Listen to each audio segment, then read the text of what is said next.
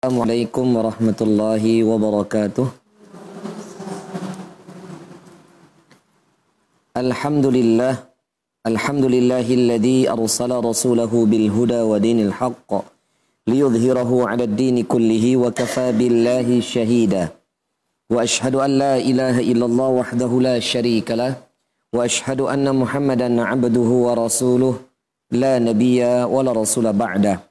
اللهم صل على محمد وعلى آل محمد كما صليت على إبراهيم وعلى آل إبراهيم إنك حميد مجيد.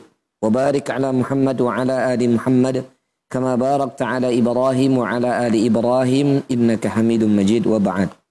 فقال الله تعالى في القرآن الكريم أعوذ بالله السميع العليم من الشيطان الرجيم. يا أيها الذين آمنوا اتقوا الله حق تقاته tamutunna illa wa antum muslimun. Ayuhal hadirin, ayuhal ummahat, ibu-ibu yang dimuliakan oleh Allah Subhanahu wa taala. Alhamdulillah senantiasa kita tidak henti-hentinya bersyukur hanya kepada Allah dengan selalu berupaya memuji asma Allah. Kebaikan-kebaikan yang Allah telah berikan kepada kita begitu banyak ibu-ibu.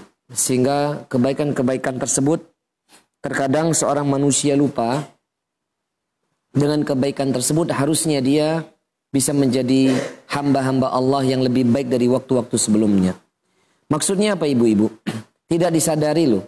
Kebanyakan kaum muslimin hidupnya lahir dari rahim seorang ibu yang muslimah. Diajarkan ibadah minimal salat. Ya. Berarti bagian dari mentauhidkan Allah. Walaupun makna tauhid mungkin kebanyakan kita banyak yang belum tahu misalnya. Tapi Alhamdulillah Allah Ta'ala telah memberikan banyak hal pada dirinya. Namun kebaikan-kebaikan yang Allah Ta'ala berikan pada dirinya dari dia akhil balik, dari dia mengenal Islam, sampai detik ini belum pernah sedikit pun terfikirkan oleh dirinya kebaikan Allah itu sejatinya akan menghantarkan dia kepada satu posisi yang jauh lebih baik dibandingkan kondisi dia sekarang. Yakni sebagaimana yang Allah Ta'ala inginkan kepada setiap kita di dalam banyak firman-Nya kita ini hendaknya menjadi orang yang bertakwa. Contoh misalnya, ibu buka misalnya di dalam surah Al-Baqarah ayat yang 20-an ya Bu ya kalau nggak salah. Ayat 20-an yang Allah Taala katakan wa qala ta'ala a'udzu billahi minasyaitonir rajim. Ini sapaan Allah buat manusia. Semua manusia, nggak terkecuali mau beriman mau enggak. Allah Taala katakan Ya ayuhan nasu ubudu rabbakumul ladhi khalaqakum walladhina min qablikum la'allakum tattaqun. Al-Baqarah 21. Wahai semua manusia, sembahlah Allah Rabb kalian yang telah menjad, menciptakan kalian dan menciptakan orang-orang sebelum kalian la'allakum tattaqun agar kamu bertakwa. Belum lagi di awal surah An-Nisa juga sama Allah Taala katakan Ya ayuhan nasu taqu rabbakumul ladzi khalaqakum min nafsi wahida wa khalaqa minha zawjaha dan seterusnya. Wahai manusia, takutlah kalian kepada Rabb kalian. Bertakwalah kalian kepada Rabb kalian manusia lagi, Bu. Yang telah menciptakan kalian dari jiwa yang satu, Nabi Adam. Wa khalaqa minha dan dari Nabi Adam ini pula Allah Taala ciptakan zaujaha pasangannya. Artinya Allah menginginkan kepada semua manusia, baik yang tidak beriman, apalagi yang sudah lahir dan menjadi seorang muslim, Allah Ta'ala menginginkan apa? Kita jadi orang bertakwa, Bu. Belum lagi sapaan Allah itu banyak, Ya ayuhalladina amanu, ittaqullaha. Banyak kan? Wahai orang-orang mengaku beriman kepada bertakwalah kepada Allah. Ibu kenapa perlu saya ulas ini? Biar kita faham. Kebaikan-kebaikan yang Allah Ta'ala berikan kepada kita itu, inginnya Allah Motivasi Allah menciptakan hamba-hambanya ingin ditempatkan di satu tempat yang sangat mulia, Bu. Karena tidak ada satu posisi yang lebih mulia kecuali orang bertakwa. Dan Allah Ta'ala menginginkan wala tamutunna illa wa antum muslimun. Kalau bisa jangan sampai mati itu kita nggak dalam keadaan berserah diri. Maunya Allah kita berserah diri kepada Allah sebelum mati. Nah, yang ini yang ingin kami sampaikan, yang saya berharap Allah Ta'ala memberikan kesadaran itu buat saya dari awal hingga akhir maut menjemput saya, anak-anak keturunan saya, keluarga besar saya dan semua ibu-ibu sekalian. Sadari ibu, kebaikan Allah itu begitu banyak. Banyak banget. Coba dihitung-hitung deh bu, dihisap. Dari kebaikan yang Allah Ta'ala berikan dengan masalah yang Allah Ta'ala hadirkan lebih banyak mana? Kelapangan dengan kesulitan lebih banyak kelapangan atau kesulitannya? Tuh. Kita baru dikasih masalah 1, 2, 3, 4, 5 aja kayaknya udah dunia mau kiamat begitu. Dia nggak hitung tuh kebaikan yang Allah Ta'ala berikan pada diri udah lebih banyak itu nggak dia nggak hitung tuh. Harusnya kita sadari bu. Masa lalu kita dulu ya Allah ya Karim. Allah Ta'ala semoga mengampuni dan menghapus dosa kita di masa lalu. Jahiliyah banget. Ya. Bodoh banget. Maksiat tok di sini nggak sholat, malah gangguin orang mau sholat diajak jeng-jeng. Nih apa sholat yuk, gue temen, gue ajak makan aja. Ya saya nggak tahu. Saya kan ini contoh-contoh. Ibu jangan ini, jangan baper. Ada temen yang mau gak usah sholat, ntar aja sholatnya deh. Nemani gue makan siang, lunch. Hmm. Nih dinner, dinner, gala dinner. Dan seterusnya macem-macem lah.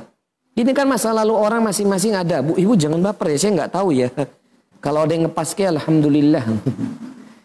Artinya dia itu dikasih masalah sama Allah dengan kebaikan yang Allah Ta'ala berikan sama dia itu masalah itu sedikit banget.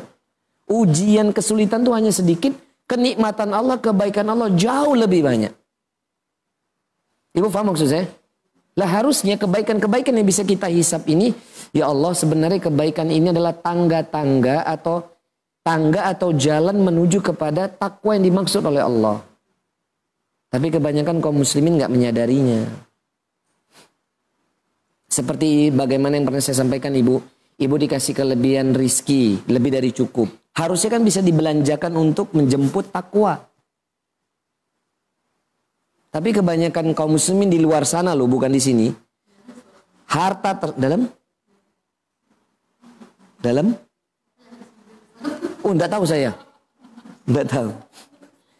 Ada orang yang diberikan kelebihan rizki, tapi dia lebih banyak membelanjakannya untuk kepentingan syahwatnya, kepentingan nafsunya. Enggak pernah dia belanjakan harta itu untuk membeli dalam jalan takwa. Bahkan untuk beli handphone saja, Beda Betty Bu Betty tahu Betty. Beda tipis. Antara memenuhi kepentingan syahwat atau handphone ini dibeli untuk kepentingan ibadah. Contoh, saya nggak melarang ibu ya. Demi Allah ibu jangan tersinggung. Saya nggak melarang ibu, ibu mau beli iPhone 11 kayak mau 12 kayak harga 20 jutaan itu ya. Ya. Ada yang dia beli itu karena nafsunya atau syahwatnya atau prestisnya hidup. Daripada 20 juta beli HP, mending dia daftar umroh, Bu. Betul? Tapi ada orang tuh untuk ngeluarin begitu nyoh. Tapi kan saat untuk saya ibadah, pertanyaannya, apakah sama-sama handphone, iPhone yang 8 aja atau 7? Itu kan harganya ke 7 juta tuh. Ya, paling cuma berapa sih yang baru mesti ada kan? Ya sama-sama iPhone misalnya. Kenapa nggak pakai iPhone yang lebih yang di bawahnya sama-sama aktivitasnya kan? Paling-paling apa sih Bu? Kita buat kajian, jualan apa? WhatsApp tuh rata-rata.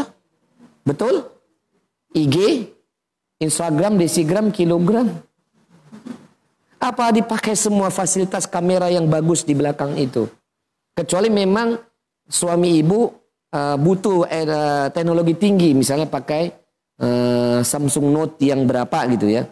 Memang butuh misalnya, memang untuk pekerjaan. Kalau kemarin saya terbantu banget dengan sampai dibeli julukan HP-nya Ustadz HP jahat. Kenapa? Pakainya Oppo. Ini bukan saya promosi ya. Ustadz, Ustadz pakai Oppo aja Ustadz, nggak boleh pakai iPhone motonya bu.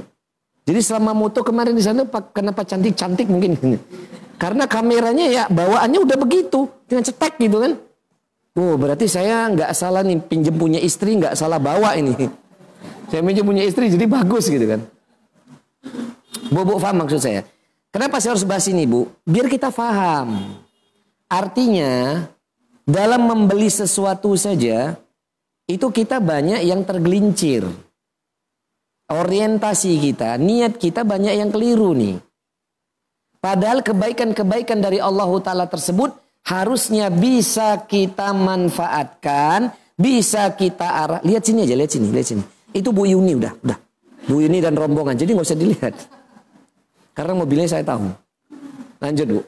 Udah lihat sini Bu, Bu lihat sini.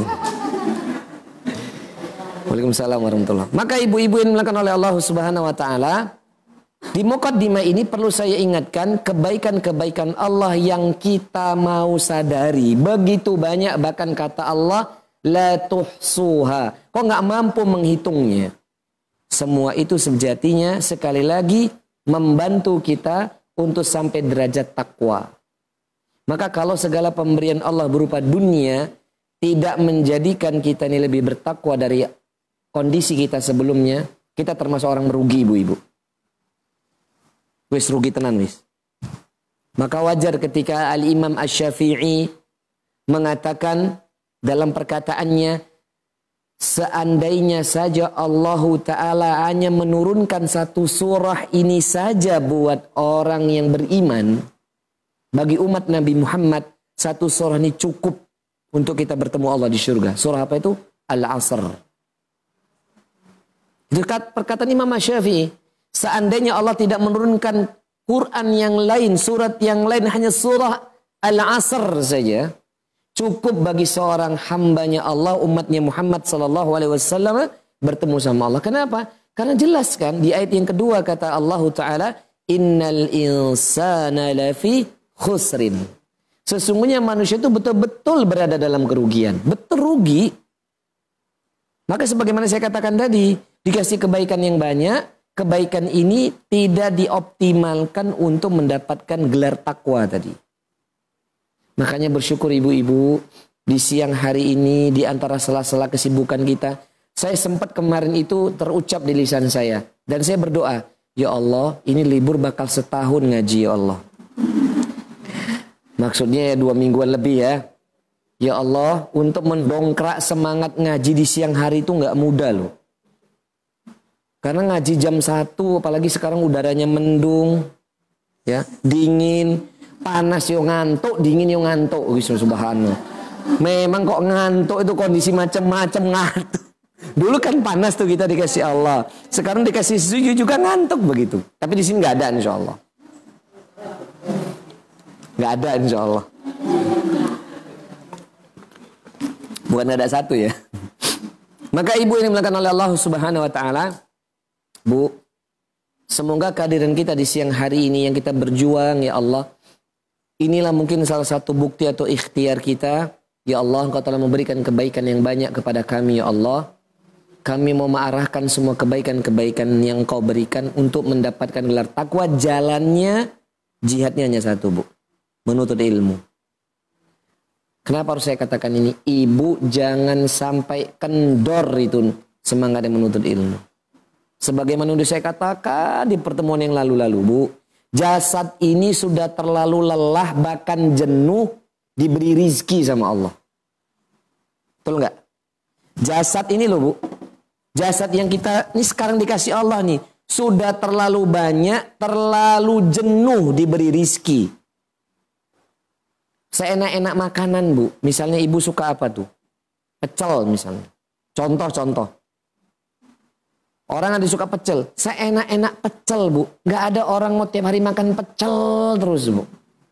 Bosan enggak? Ibu paham maksud saya? Disesuka-suka dia pakai branded barangnya dari ujung rambut sampai ujung kaki branded semua. Pasti ada jenuhnya nanti.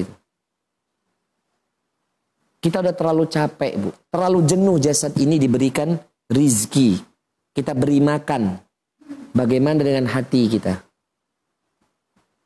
Apakah kita pikirkan, Bu, hati kita ini punya punya kebutuhan enggak? Sama kebutuhan ruh kita ini, Bu. Kebutuhan hati kita tuh melebihi kebutuhan jasad kita. Tapi kita terbalik. Jasadnya diberi kepenuhan kebutuhannya bahkan lebih, ruhnya itu yang dikesampingkan. Padahal yang menggerakkan jasad ini untuk mencapai gelar takwa tadi, ya ini. Sebagaimana dulu pernah kita bahas hadisnya. Nabi mengatakan, Ala inna fi jasadil mudgha. Ala inna fi jasadil mudgha. Fa idha salahat salahal jasadu kulluhu. Wa idha fasadat fasadal jasadu kulluhu ala wahya qalb. Manusia ketahuilah sesungguhnya di dalam jasad-jasad kamu ada segumpal daging. Apabila daging itu baik-baik pula seluruh jasadnya. Apabila buruk-buruk pula seluruh jasadnya. Segumpal daging itu bernama kalbu. Hmm. Harusnya ini yang lebih butuh makanan ibu. Maka demi Allah dua minggu libur bagi saya. Saya sampaikan di kajian-kajian yang lain. Saya merindu bu. Walaupun saya ini dampingi jamaah gitu ya. Merindu ya Allah. Kok kangen saya. Makanya saya nggak mau buang sia-sia selama di sana. Pasti ada kajian saya buat. Ya, selama City Tour saya buat kajian.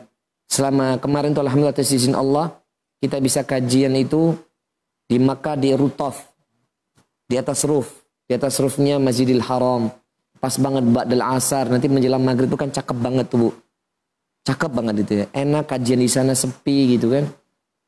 Ketika sore hari di Masjid Nabawi kita kajian di bawah payung-payung. Jadi pas payungnya itu mau tutup, saya break dulu. Break. Silakan mau selfie saya udah memang sengaja nanti pas kajian percuma aja kalau saya tetap ngomong gitu kan. Pasti nanti kamera begini. Set.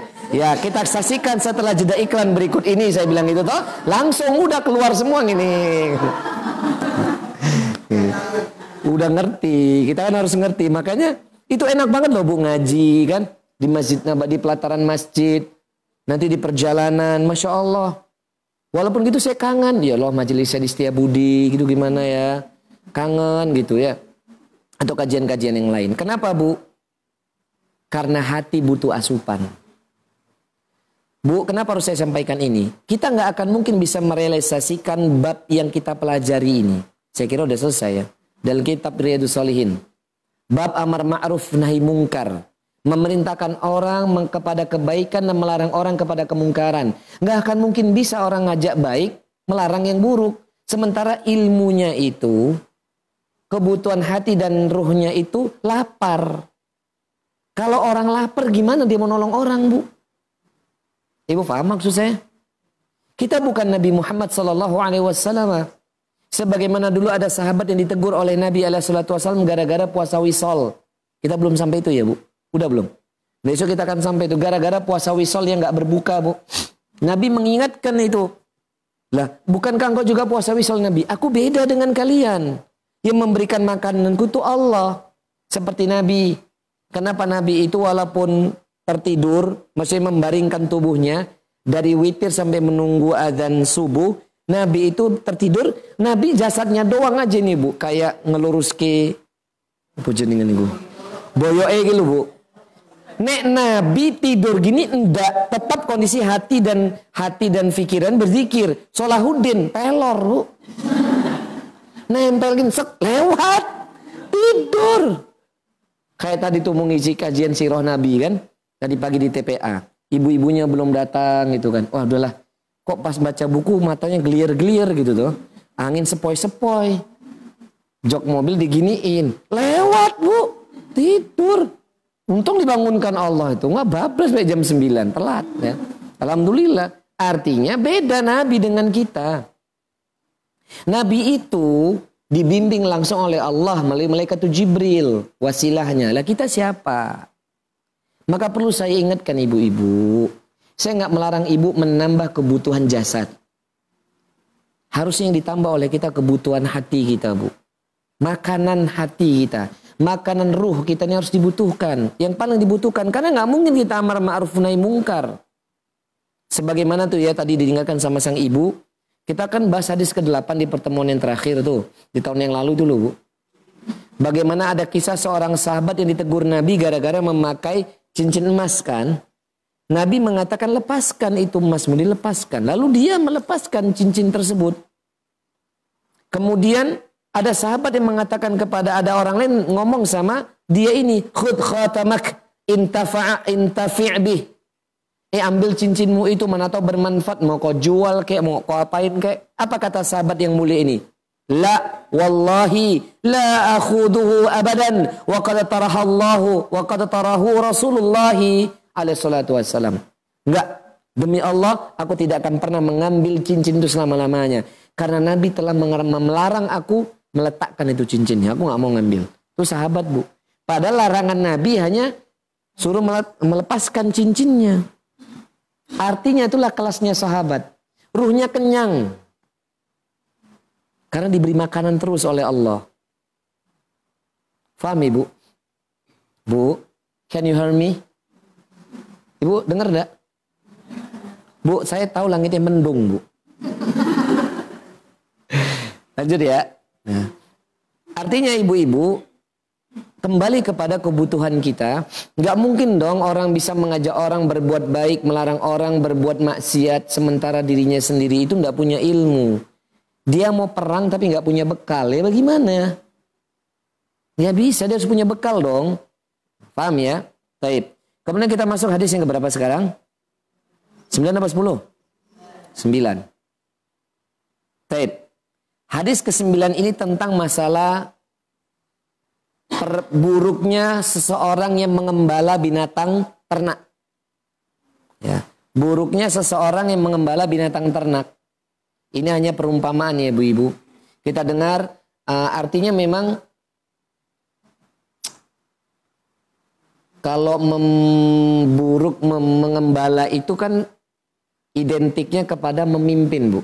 Karena kata para ulama kita, para nabi dan rasul kebanyakan sebelum mereka di, di jadi nabi dan rasul, mereka itu punya kebiasaan mengembala binatang ternak kambing atau domba. Itu kebiasaan mereka.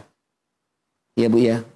Karena memang domba kalau saya pernah ngomong sama yang dia suka mengembala kambing dan komba, eh domba, orang yang mengembala binatang ternak kambing atau domba tuh hatinya harus lembut, Bu.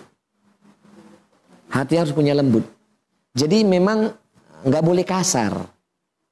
Sabar. Bu, demi Allah, binatang aja bisa merasakan kok, Bu, kalau kita sayang sama dia. Betul apa enggak? Sa binatang loh. Jadi kalau ada manusia nggak bisa merasakan kasih sayang kita kok, subhanallah. Paham maksud saya? Betul nggak bu? Lu ibu coba kalau kucing nih, kucing dia kucing liar, maksudnya kucing liar ini dia kucing tas siapa sampai ke rumah ibu. Ibu kasih dia makan, ibu kasih dia minum. Dia tahu kok terima kasih bu, ngelendot sama kita. Bahkan kemarin ketika kita lagi duduk di Masjid mana ya? Ya salam, ya salam, ya salam. Saya lupa itu bu. Kita mampir dengan jamaah lagi duduk-duduk. Ada kucing datang bu. Nemprok itu neng. Bajunya demprok, demprok ya. Itu cuman cuman di gini pus-pus digini doang. Langsung duduk di sini tuh. Kucing bu. Coba Masya Allah. Gak kenal gak apa. Kucing itu bukan. Ya manggilnya mungkin beda kalau kita ceng-ceng. Oh pus pus ya. Dia nggak mungkin kucing ya. gitu. Tapi ke mana ketika saya di Madinah, ketika di kebun kurma itu ada kucing gede itu, bu kucing Arab ya kalau orang bilang kucing Arab. Saya panggil pus mau ibu. Wow, wow pus pus datang ibu. Terus jual-jual mahal gitu sama saya. kucing jantan soalnya iya udah datang gitu kan terus dia habis mulai terus turun gitu. Subhanallah kucingnya gede gitu bu, masya Allah. Artinya gini loh bu, kalau kita berbicara uh, orang yang mengembala kambing, ya ini paling sukses kan paling Nabi dan Rasul, ya, karena memang jiwanya latif, hanif lembut jiwanya. Sebagaimana sabda Nabi kan, Innallaha rafiqun yuhibbur rifqa. Sesungguhnya Allah itu mahal lembut dan menyukai kelemah lembutan. Tuh. Ini juga nasihat buat saya khususnya buat ibu-ibu apalagi wanita itu memang harusnya penuh dengan kelemah lembutan. Jangan terlalu garang gitu loh bu. Ya jangan. Ya. Paham bu ya? Harus penuh dengan kelemah. Tapi jangan lebay juga. Gitu. Taib. Ibu kita baca nih hadis ya. Qala mu'alif rahimallahu taala berkatalah sang mu'alif Al-Imam Nawawi menukil hadis dari an Abi Sa'id Al-Hasan Al-Basri.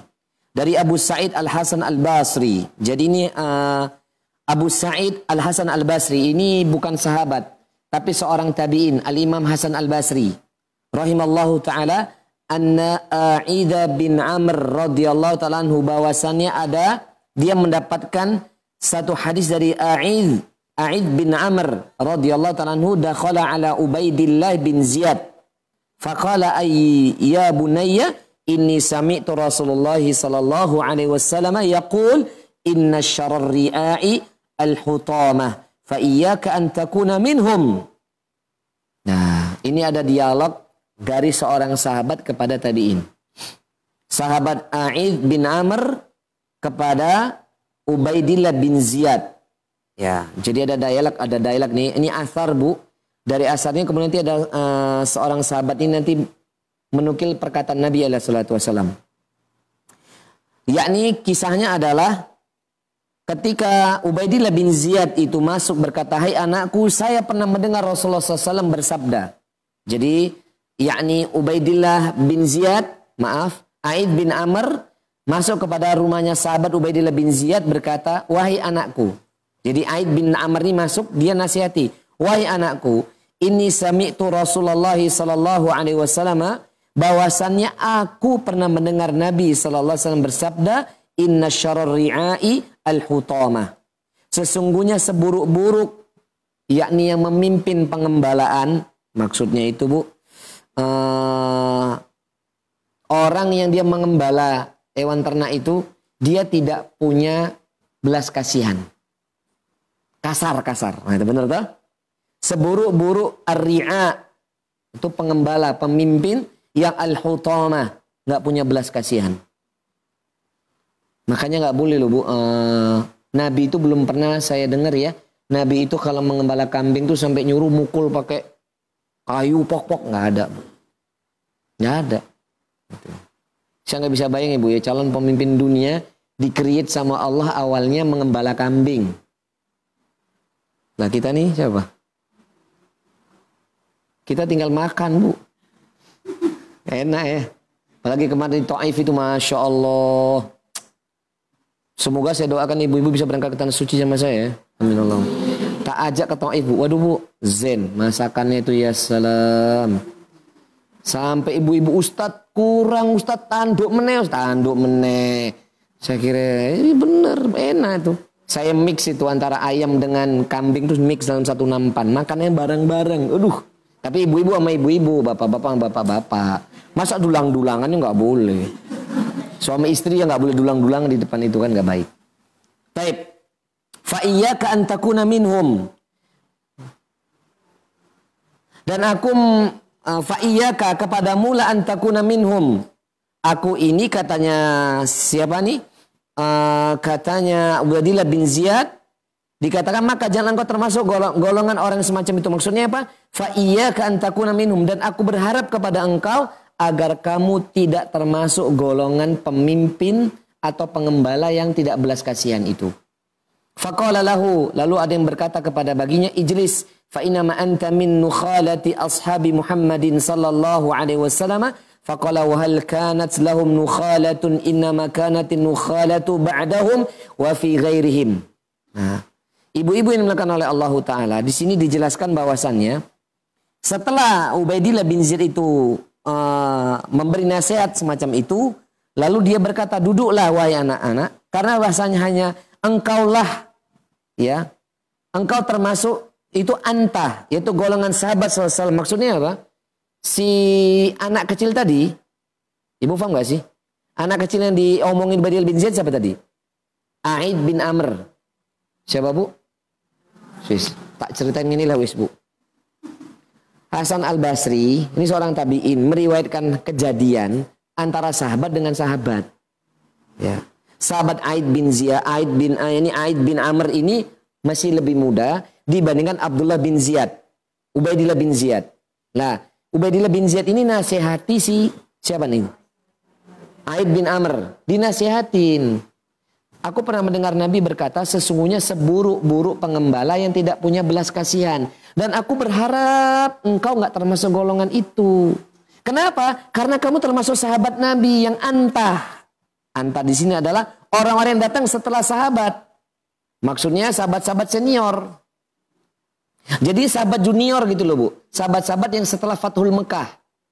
Kan ada itu orang-orang yang berjumpa sama Nabi. Tapi di akhir-akhir Nabi hidup di muka bumi ini. Nah, paham ibu maksud saya? Dia dimenasehati. Kenapa? Karena sahabat-sahabat senior atau sahabat pertengahan itu faham bu. Kelak nanti ada pertumpahan darah di antara sahabat. Sebagaimana riwayat-riwayat yang katakan Nabi. Kan benar nanti perang Sifin, perang Jamal. Bagaimana nanti Tolha bin Ubaidillah itu diingatkan.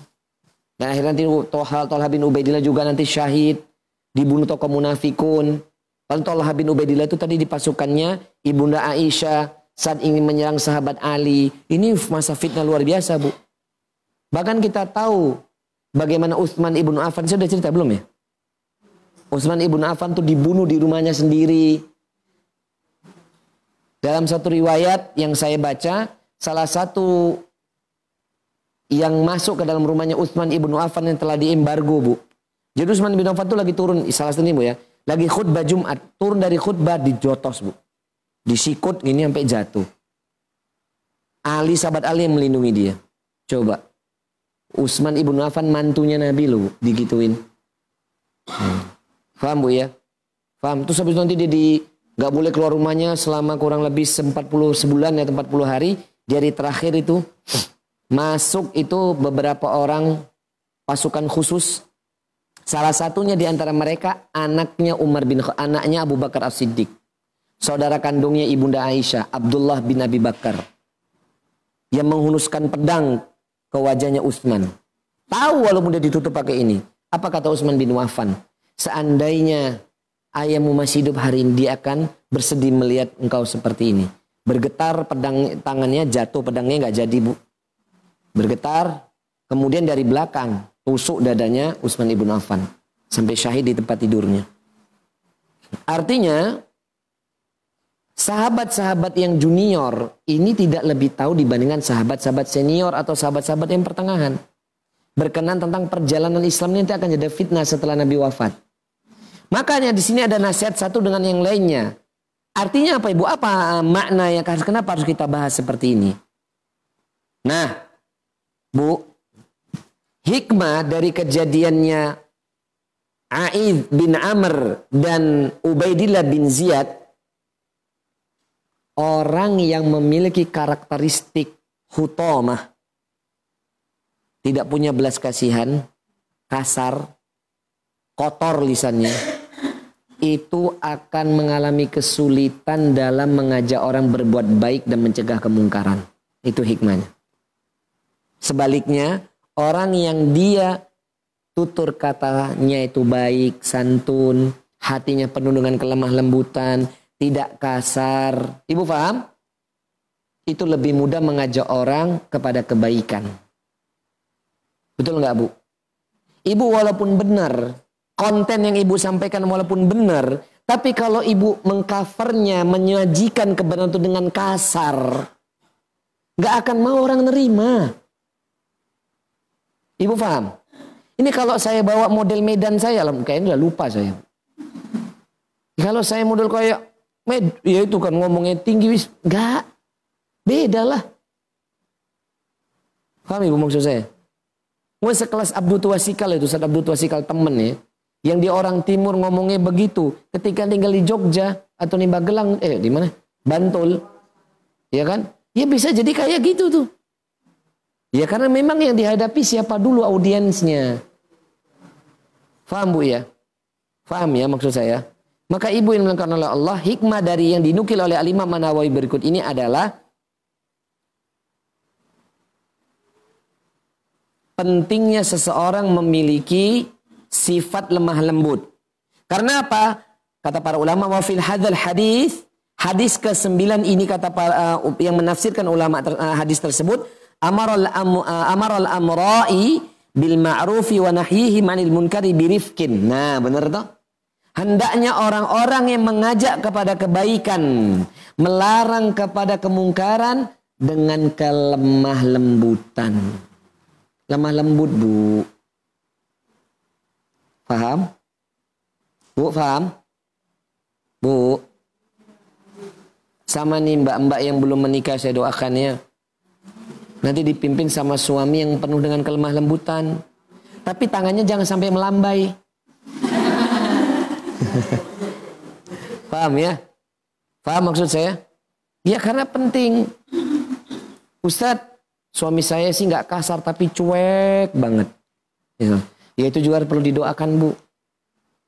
Karena cuek sikap cuek itu baik tapi banyak juga negatifnya kalau cuek. Mau jungkir balik, balik lagi, jungkir lagi, aduh. Masa nggak peduli begitu ya. Kalau urusan dunia dia nggak peduli, it's okay lah. Yang penting urusan agama gitu. Tetap ibu harus banyak doakan ya. Ibu paham maksud saya? Sekarang gini aja deh. Kita observasi bareng-bareng. Ibu lebih suka belajar apa pun, apalagi belajar agama, kepada seorang guru yang menyampaikannya santun dan santui lemah lembut gitu ya, tidak kasar atau grid di atasnya.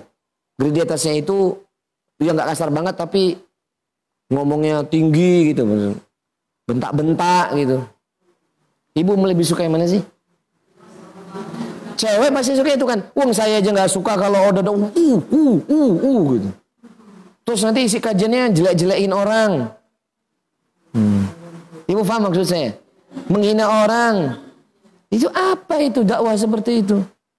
Menghina pemimpin kaum muslimin itu nggak boleh kayak gitu. Ngaji itu nggak boleh gitu.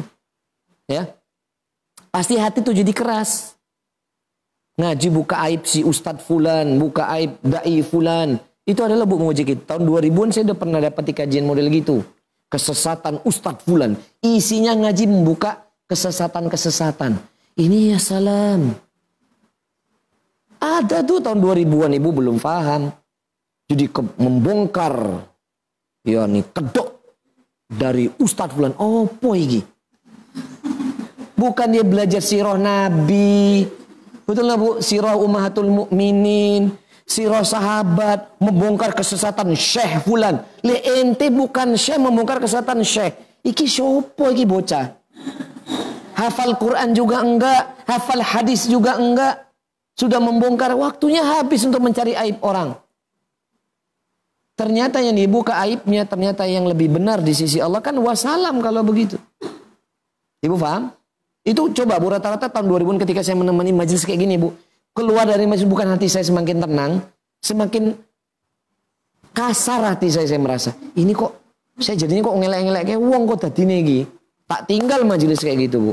Walaupun tampilannya sunnah saya tinggal. nggak penting bagi saya. Kalau hanya bisa baca kitab gundul. Kiai saya udah ngajari lama. Gitu. Faham ibu-ibu ya? Baik. Kemudian hadis ke-10. Nah, jadi ibu dapat kita dapat ilmu lagi nih Bu. Bukan saja kita ingin dipimpin sama orang yang penuh dengan kelemah lembutan, bukan saja kita ingin dipimpin oleh pasang lemah lembut, guru yang penuh dengan kelemah lembut, kelemah lembutan dengan ilmunya, tapi jiwa yang lemah lembut itu juga jiwa yang mudah menerima kebenaran. Betul nggak? Betul Bu? Jiwa yang hanif itu kan lebih mudah menerima kebenaran. Nah, hadis yang ke-10 Al-Imam Ibnu Al-Imam An-Nawawi menukil perkataan sahabat Huzaifah ibn al-Yaman radhiyallahu taala anhu anin Nabi sallallahu alaihi wasallam dari Huzaifah ibn al-Yaman ridha Allah taala atasnya bahwasannya Nabi sallallahu alaihi wasallam qala bersabda Masih di sini? Jangan jasadnya di sini pikirannya ke mana-mana. Masih sini ya? Taib. Dari Huzaifah ibn Yaman ridha Allah taala atasnya dia berkata, "Walladzi nafsi biyadih."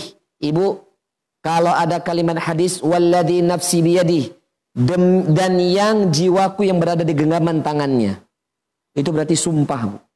Kosamnya Nabi. Kalau udah Nabi bersumpah demi jiwaku yang berada di genggaman tangannya. Itu berarti Masya Allah, Bu.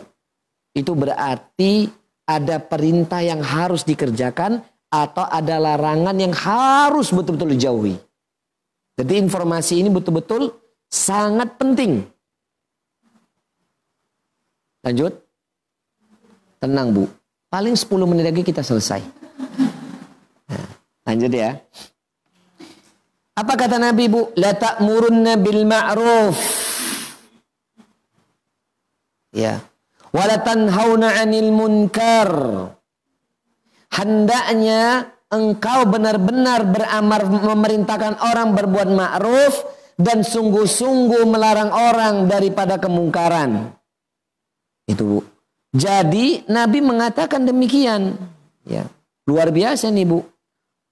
Nabi mengatakan karena lamnya lam taukid sungguh jadi niscaya atau sungguh engkau benar-benar mengajak orang berbuat baik dan benar-benar atau sungguh-sungguh niscaya engkau melarang orang berbuat kemungkaran au la yushikannallaha alaikum iqaban minhu thumma tad'unah fala yustajabu lakum bu. Kalau udah nggak ada orang mengajak berbuat kebaikan, tidak ada lagi orang yang melarang keburukan, cuek nih.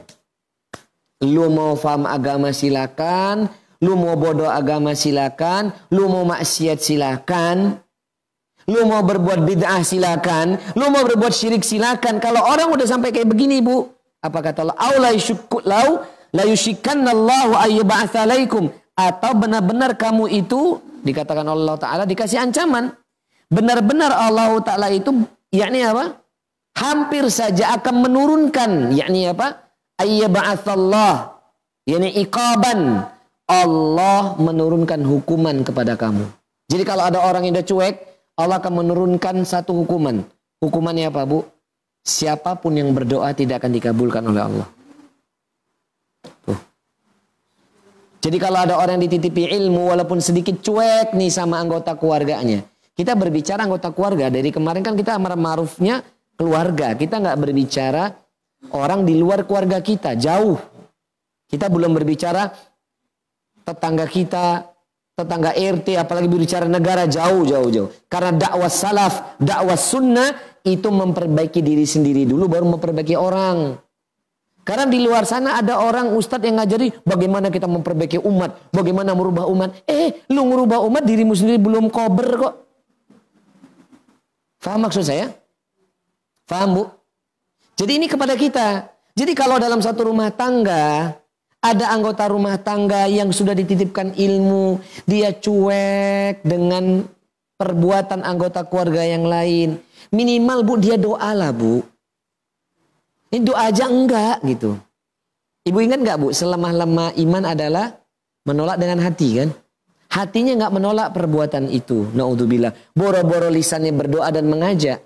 Lah kalau sudah demikian membiarkan anggota keluarganya tidak berada di dalam kebaikan, tidak menyuruhnya kepada kebaikan, benar-benar Allah Ta'ala akan menimpakan kepada dia hukuman. Yakni apa? Thumma tad'unahu fala yustajabu. Hukuman itu macam-macam, salah satunya adalah setiap doa tidak akan dikabulkan sama Allah. Jadi bukan hanya doa itu tidak dikabulkan kalau seseorang makan harta haram. Ibu kan pernah dengar dalil hadis itu bu. Bagaimana Nabi menceritakan seorang laki-laki yang dalam kajian yang lalu saya sampaikan itu. Melakukan safar begitu jauh. Safar itu ternyata safar ibadah. Rambutnya berantakan. Penuh debu tubuhnya copang camping. Ternyata perjalanan dia kerjakan itu kata Nabi perjalanannya perjalanan safar yang sangat panjang itu ibadah. Lalu dia menengadakan tangannya ke atas langit ya Rabbi ya Rabbi. Apa kata Nabi? Wa mad'amuhu haramun. Makanannya dari yang haram. Wa mashrabuhu haramun. Minumannya dari yang haram. Wa malbasuhu wa malbasuhu wa malbasahu haramun Pakaian dari yang haram. Pakaian itu termasuk kendaraan rumah. Dari yang haram semuanya. Wa bil haram. Dia peroleh dari yang haram. Lalu ditutup sama Nabi hadis ini apa? Namun bagaimana mungkin doanya akan dikabulkan sama Allah? Sedangkan ini Nabi cerita orang yang habis waktunya beribadah kepada Allah. Tapi yang dia konsumsi, yang dia gunakan itu barang yang haram. Menyebabkan amal dan doanya tidak dikabulkan. Itu pernah kita dengar. Tapi yang satu ini beda lagi bu. Ternyata ada satu faktor di antara faktor halal dan haramnya yang kita pakai, yang kita konsumsi menyebabkan doa tidak dikabulkan. Faktor yang berikutnya apa ibu? Bu? Cueknya anggota keluarga, cueknya orang yang diberikan ilmu, menasihati orang yang salah, tidak mengajak berbuat baik, sehingga doa-doa dia dan orang yang ada di rumah itu mamnu Dilarang, ditolak sama Allah. Fala yustajabulakum. Nggak dikabulkan untuk kalian. Makanya nggak boleh cuek bu. Cuek dengan tetangga. Lu mau tambah dunia kek. Lu mau apa kek. It's okay bu kita cuek. Tapi kalau tetangga misalnya kumpul kebo. Maksiat. Ibu jangan meneng. Lapor RT. Ibu paham? Bu, bu, paham bu? Nah, tapi kita kan nggak berbicara tetangga nih. Kita fokusnya kepada keluarga. Cobalah bu kalau masing-masing anggota keluarga kita fokus memperbaiki diri sendiri, kemudian mendoakan anggota keluarga kita mengajak berbuat baik, mencegah berbuat mungkar. Itu juga mafhum mukhalafanya salah satu penyebab doa-doa seorang hamba dikabulkan oleh Allah orang yang dia selalu perhatian kepada anggota keluarganya untuk berada dalam kebaikan dan jauh dari kemungkaran. Ibu paham? Apalagi yang dia dakwahkan itu orang lain, maka doanya makbul. Doanya mustajab. Ibu paham? Ibu paham? Bu, ngertos napa buatan? Mudeng apa mubeng mubeng? Mubeng? Masya Allah, Masya Allah. Kemudian kita lihat ibu-ibu. Gak usah kita tafs, kita tidak perlu menggunakan tafsiran para ulama. Dalam hadis Nabi berikut itu Huzaifah ibn Yaman telah memberikan satu kesan kepada kita dan pesan serta kesan luar biasa. Pokoknya kalau kamu nggak cuek dengan anggota keluargamu dalam kebaikan dunia dan akhiratnya, kebaikan agama dan ibadahnya, insya Allah doamu makbul. Selama kamu nggak makan harta haram. Tapi kalau sebaliknya kamu nggak mau peduli, Mau kamu tuh menangis darah di dalam Ka'bah sekalipun. Kau soleh buat dirimu sendiri. Ini ada nih orang bu, dia makanan hartanya tidak haram. Dia nggak memperoleh dari yang haram, ke tanah suci dari harta halal. Namun ketika dia datang ke rumah Allah, bahkan sholat dalam hijri Ismail. Hatta dia mungkin diberi kesempatan dibuka pintu Ka'bah, sholat di dalam Ka'bah, menangis darah sekalipun. Tapi kalau dia punya satu dosa, nggak peduli dengan anggota keluarganya berada dalam maksiat, wallahi fala yas fala yustajabulakum. Doanya nggak akan dikabulkan oleh Allah. Karena dia cuek.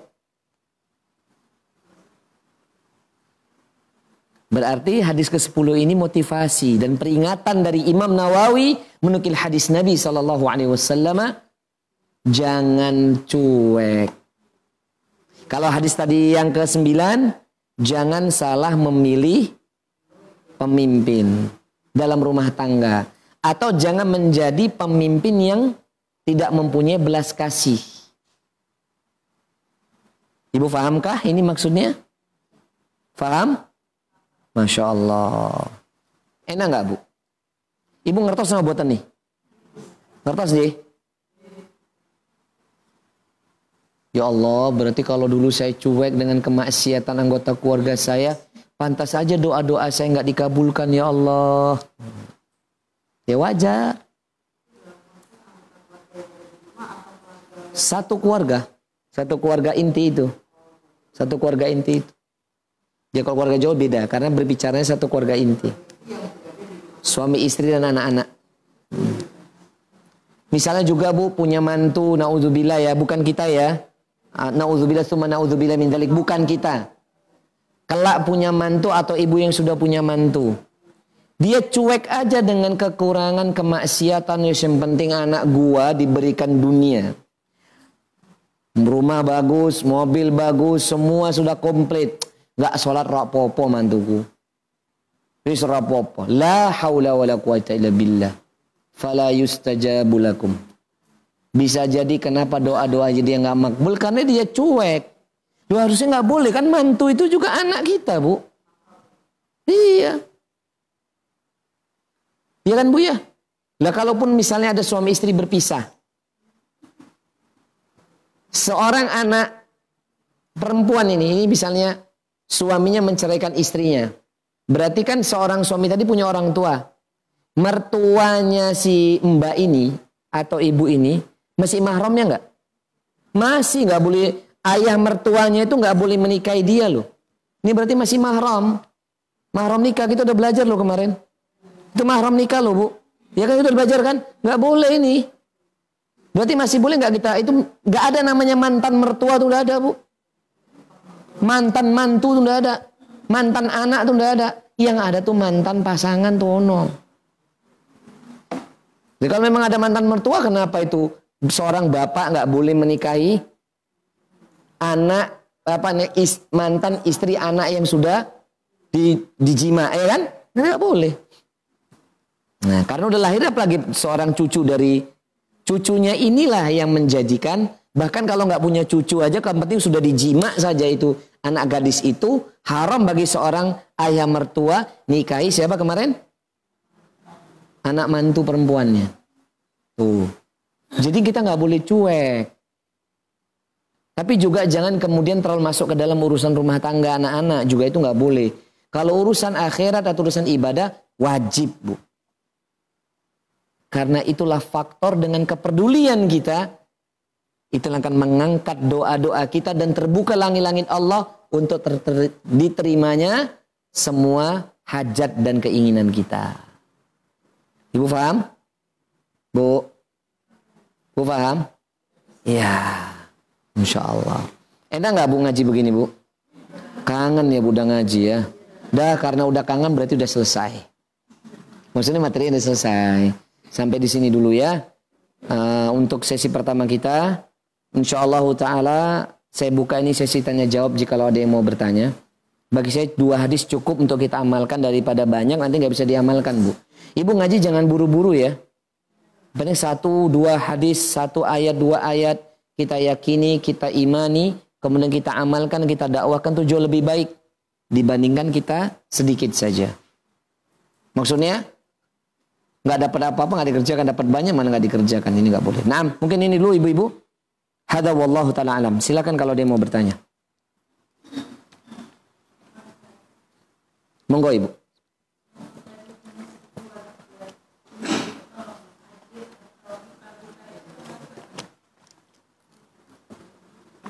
Kalau ipar jauh lah.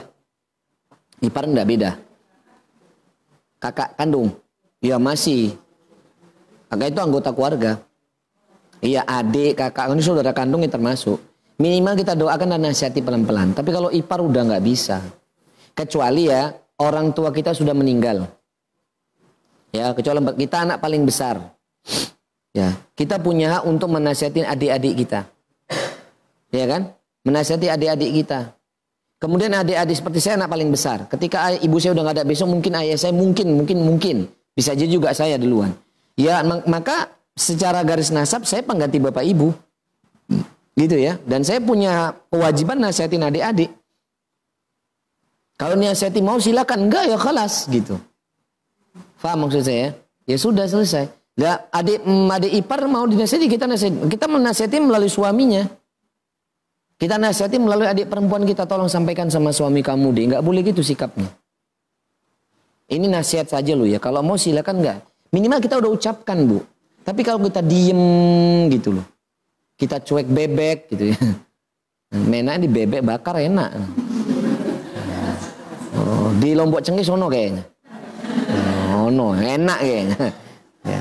Misalnya loh ya. Ya minimal kita jangan cuek lah kita ingin nasihat. Itu keluarga inti. Saudara kandung bu, apalagi anak paling besar. Waduh. Wah anak yang paling kecil aja melihat kakak-kakaknya maksiat juga harus mengingatkan. Gak boleh diem dengan kakak-kakaknya walaupun kakaknya lebih tajir melintir tir tir gitu kan. Ya minimal ngomong dengan yang baik lihat kondisi waktunya kita ingatkan. Paham ya? Tapi kalau sepupu itu udah beda. Tapi kalau sepupunya bisa menerima Ya, ini memang kita sayang sama sepupu ya nggak apa-apa. Kalau keponakan itu inti, keponakan ya kita bibi ya punya hak. Budi, eh, paman ya punya hak. Nasihati. Tapi terpenting adalah anggota keluarga inti dulu. Ya, ayah, ibu, saudara kandung. Begitu. Insya Allah. Ada lagi yang mau bertanya?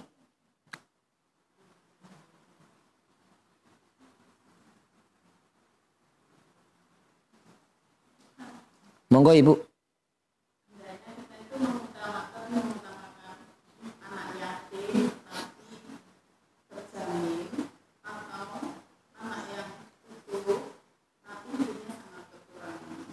Cucu. Yang kedua siapa?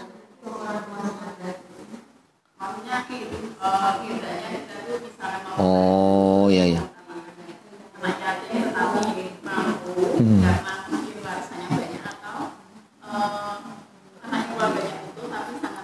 Oh utuh, iya iya iya. Barakallahu fik. Bu, kita harus tahu, saya udah benar menyampaikan belum tentang kategori yatim dalam syariat Islam? Belum ya? Yatim itu usia manusia di bawah akhil balik.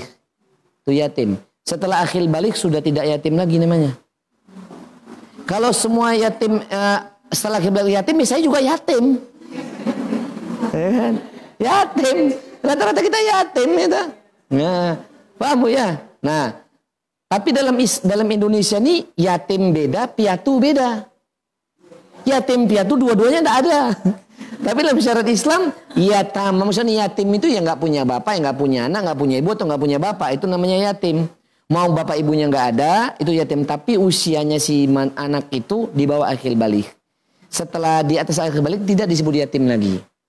Atau sudah telah setelah dia mukallaf bisa membedakan yang hak dan yang batil dan bisa memenuhi kehidupannya sendiri. Tapi kalau setelah akhir balik dia masih nggak bisa berkemampuan, kategorinya bukan yatim lagi, miskin atau fakir. Lah, pertanyaannya ibu, kalau yatimnya dia mampu dengan yang dia nggak punya orang, dia utuh tapi nggak mampu, yang mana kita lebih bantu? Ya jelas yang fakir miskin toh bu. Karena zakat dan sodako itu ditujukan bukan kepada yatim. Tapi fukara wal masakin, fakir miskin. Nah kalau yatim sugih belegedu. Ya salam. Pul, punya pulau Karimun. Punya dia. Ya. Mau mau bantu apa yang kita bantu hanya agamanya oke. Okay. Tapi kalau bantu dunianya buatan. Lebih baik kita bantu dan saya sudah sampaikan mungkin zakat dan sedekah itu kepada fakir miskin anggota keluarga kita dulu, Bu. Kita dulu. Misalnya dari jalur ibu, karena itu dalam kitab Adabul Mufrad Imam Bukhari, jalurnya naik ke atas. Ibu ke atas, ibu ke samping. Saudara-saudara kandung ibu gitu. Ke situ tuh zakat tuh. Pertama ibu dulu. Karena nanti ada, ada dalam kitab Adabul Mufrad dibahas oleh Imam Bukhari. Kepada siapa hendaknya saya membangun silaturahim dan memberikan kebaikan? Kepada jalur ibumu dulu. Baru jalur ayah. Ibu, ya memang ibu punya hak tiga kali atas kita. Bantu dia. Makanya hanya Islam loh bu, memuliakan wanita sampai di posisi seperti ini. Jadi kalau nih suami istri mau bantu siapa? Dari keluarga suami dulu. Suami ya, keluarga suami. Eh, Aku punya bibi dari ibu loh dek. Ya mas itu dulu yang bantu. Karena itu. Tapi yang satunya juga dari papa itu juga butuh. Dari ibu dulu baru papa. Tapi kalau misalnya lebih darurat yang mana, dihempaskan yang mana priority, yang lebih darurat dulu. Faham maksud saya? Hempas tabu, dihempaskan. Disisikan gitu. Ya bu ya, itu caranya memberikan kebaikan. Jadi anggota keluarga inti dulu, baru orang lain. Nah, baru nanti jalur mertua. Kalau jalur ibu nggak ada, jalur bapak nggak ada, jalur istri. Nah, gitu paham ya? Istri, ibu, mertua dulu, ayah nggak ada, udah kelas. Nggak ada ya bu ya. Kalau misalnya suami saya, jalur ibu, jalur bapak nggak ada misalnya. Ya, adik ibu, bapak, adik-adik, saudara kandung. Nah, ini kan kewajiban. Ini kewajiban bu ya. Tapi kalau sodako ini, ini kan kewajiban. Kalau mau bantu ya jalur ibu, bapak udah nggak ada, baru istri. Paham ya? Istri kepada saudara kandung itu kan beda bu. Kalau kita ke ipar, oh itu sodako.